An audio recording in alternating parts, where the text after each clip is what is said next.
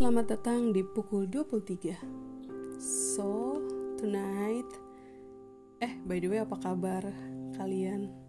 Semoga baik-baik ya. So, tonight aku tuh mau bicara tentang proses hidup.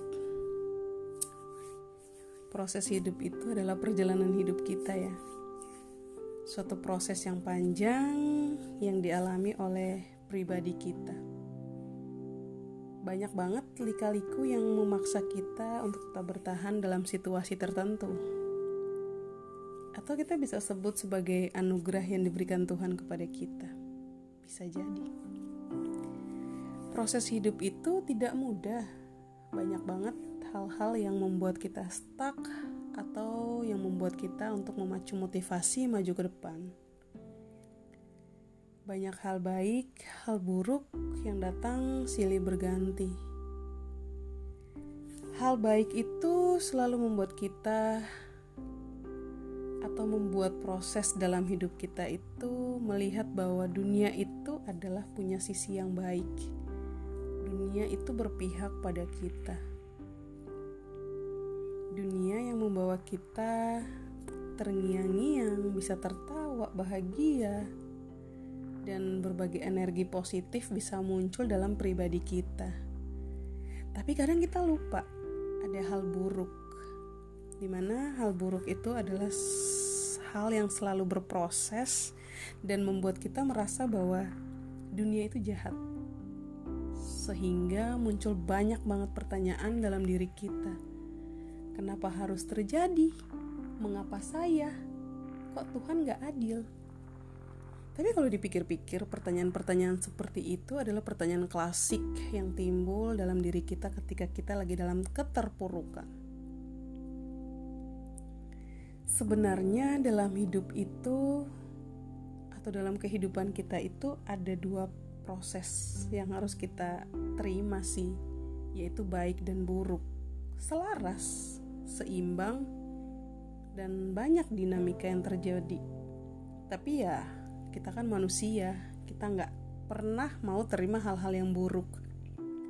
Kita selalu beranggapan bahwa hal-hal yang baik adalah milik saya. Hal-hal yang buruk itu milik kamu. Aku punya contoh seperti ini matahari bulan dan bumi.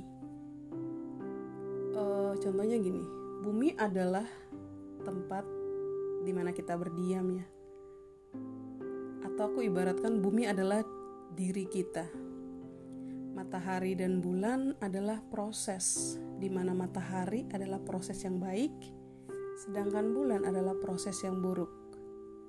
Coba kita bayangkan kita hidup tanpa matahari. Gelap, tidak ada kehidupan, bahkan kita bakal terkurung berhari-hari dalam rumah karena kita tidak menemukan cahaya matahari.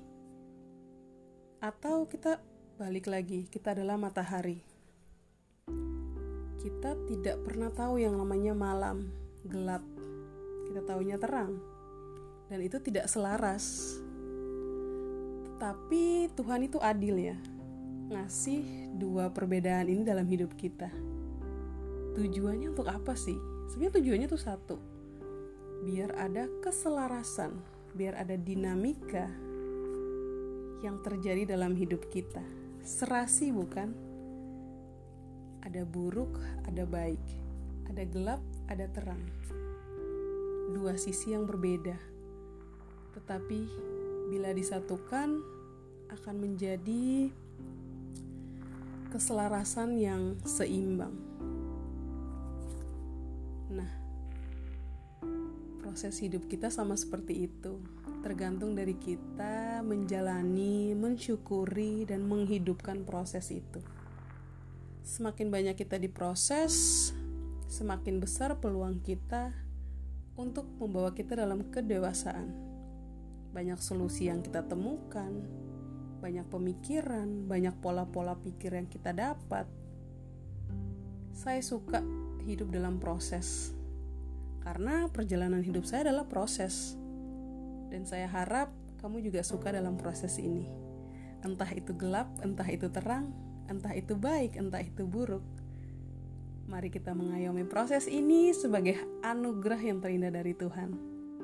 So, selamat berproses dalam hidupmu. Terima kasih.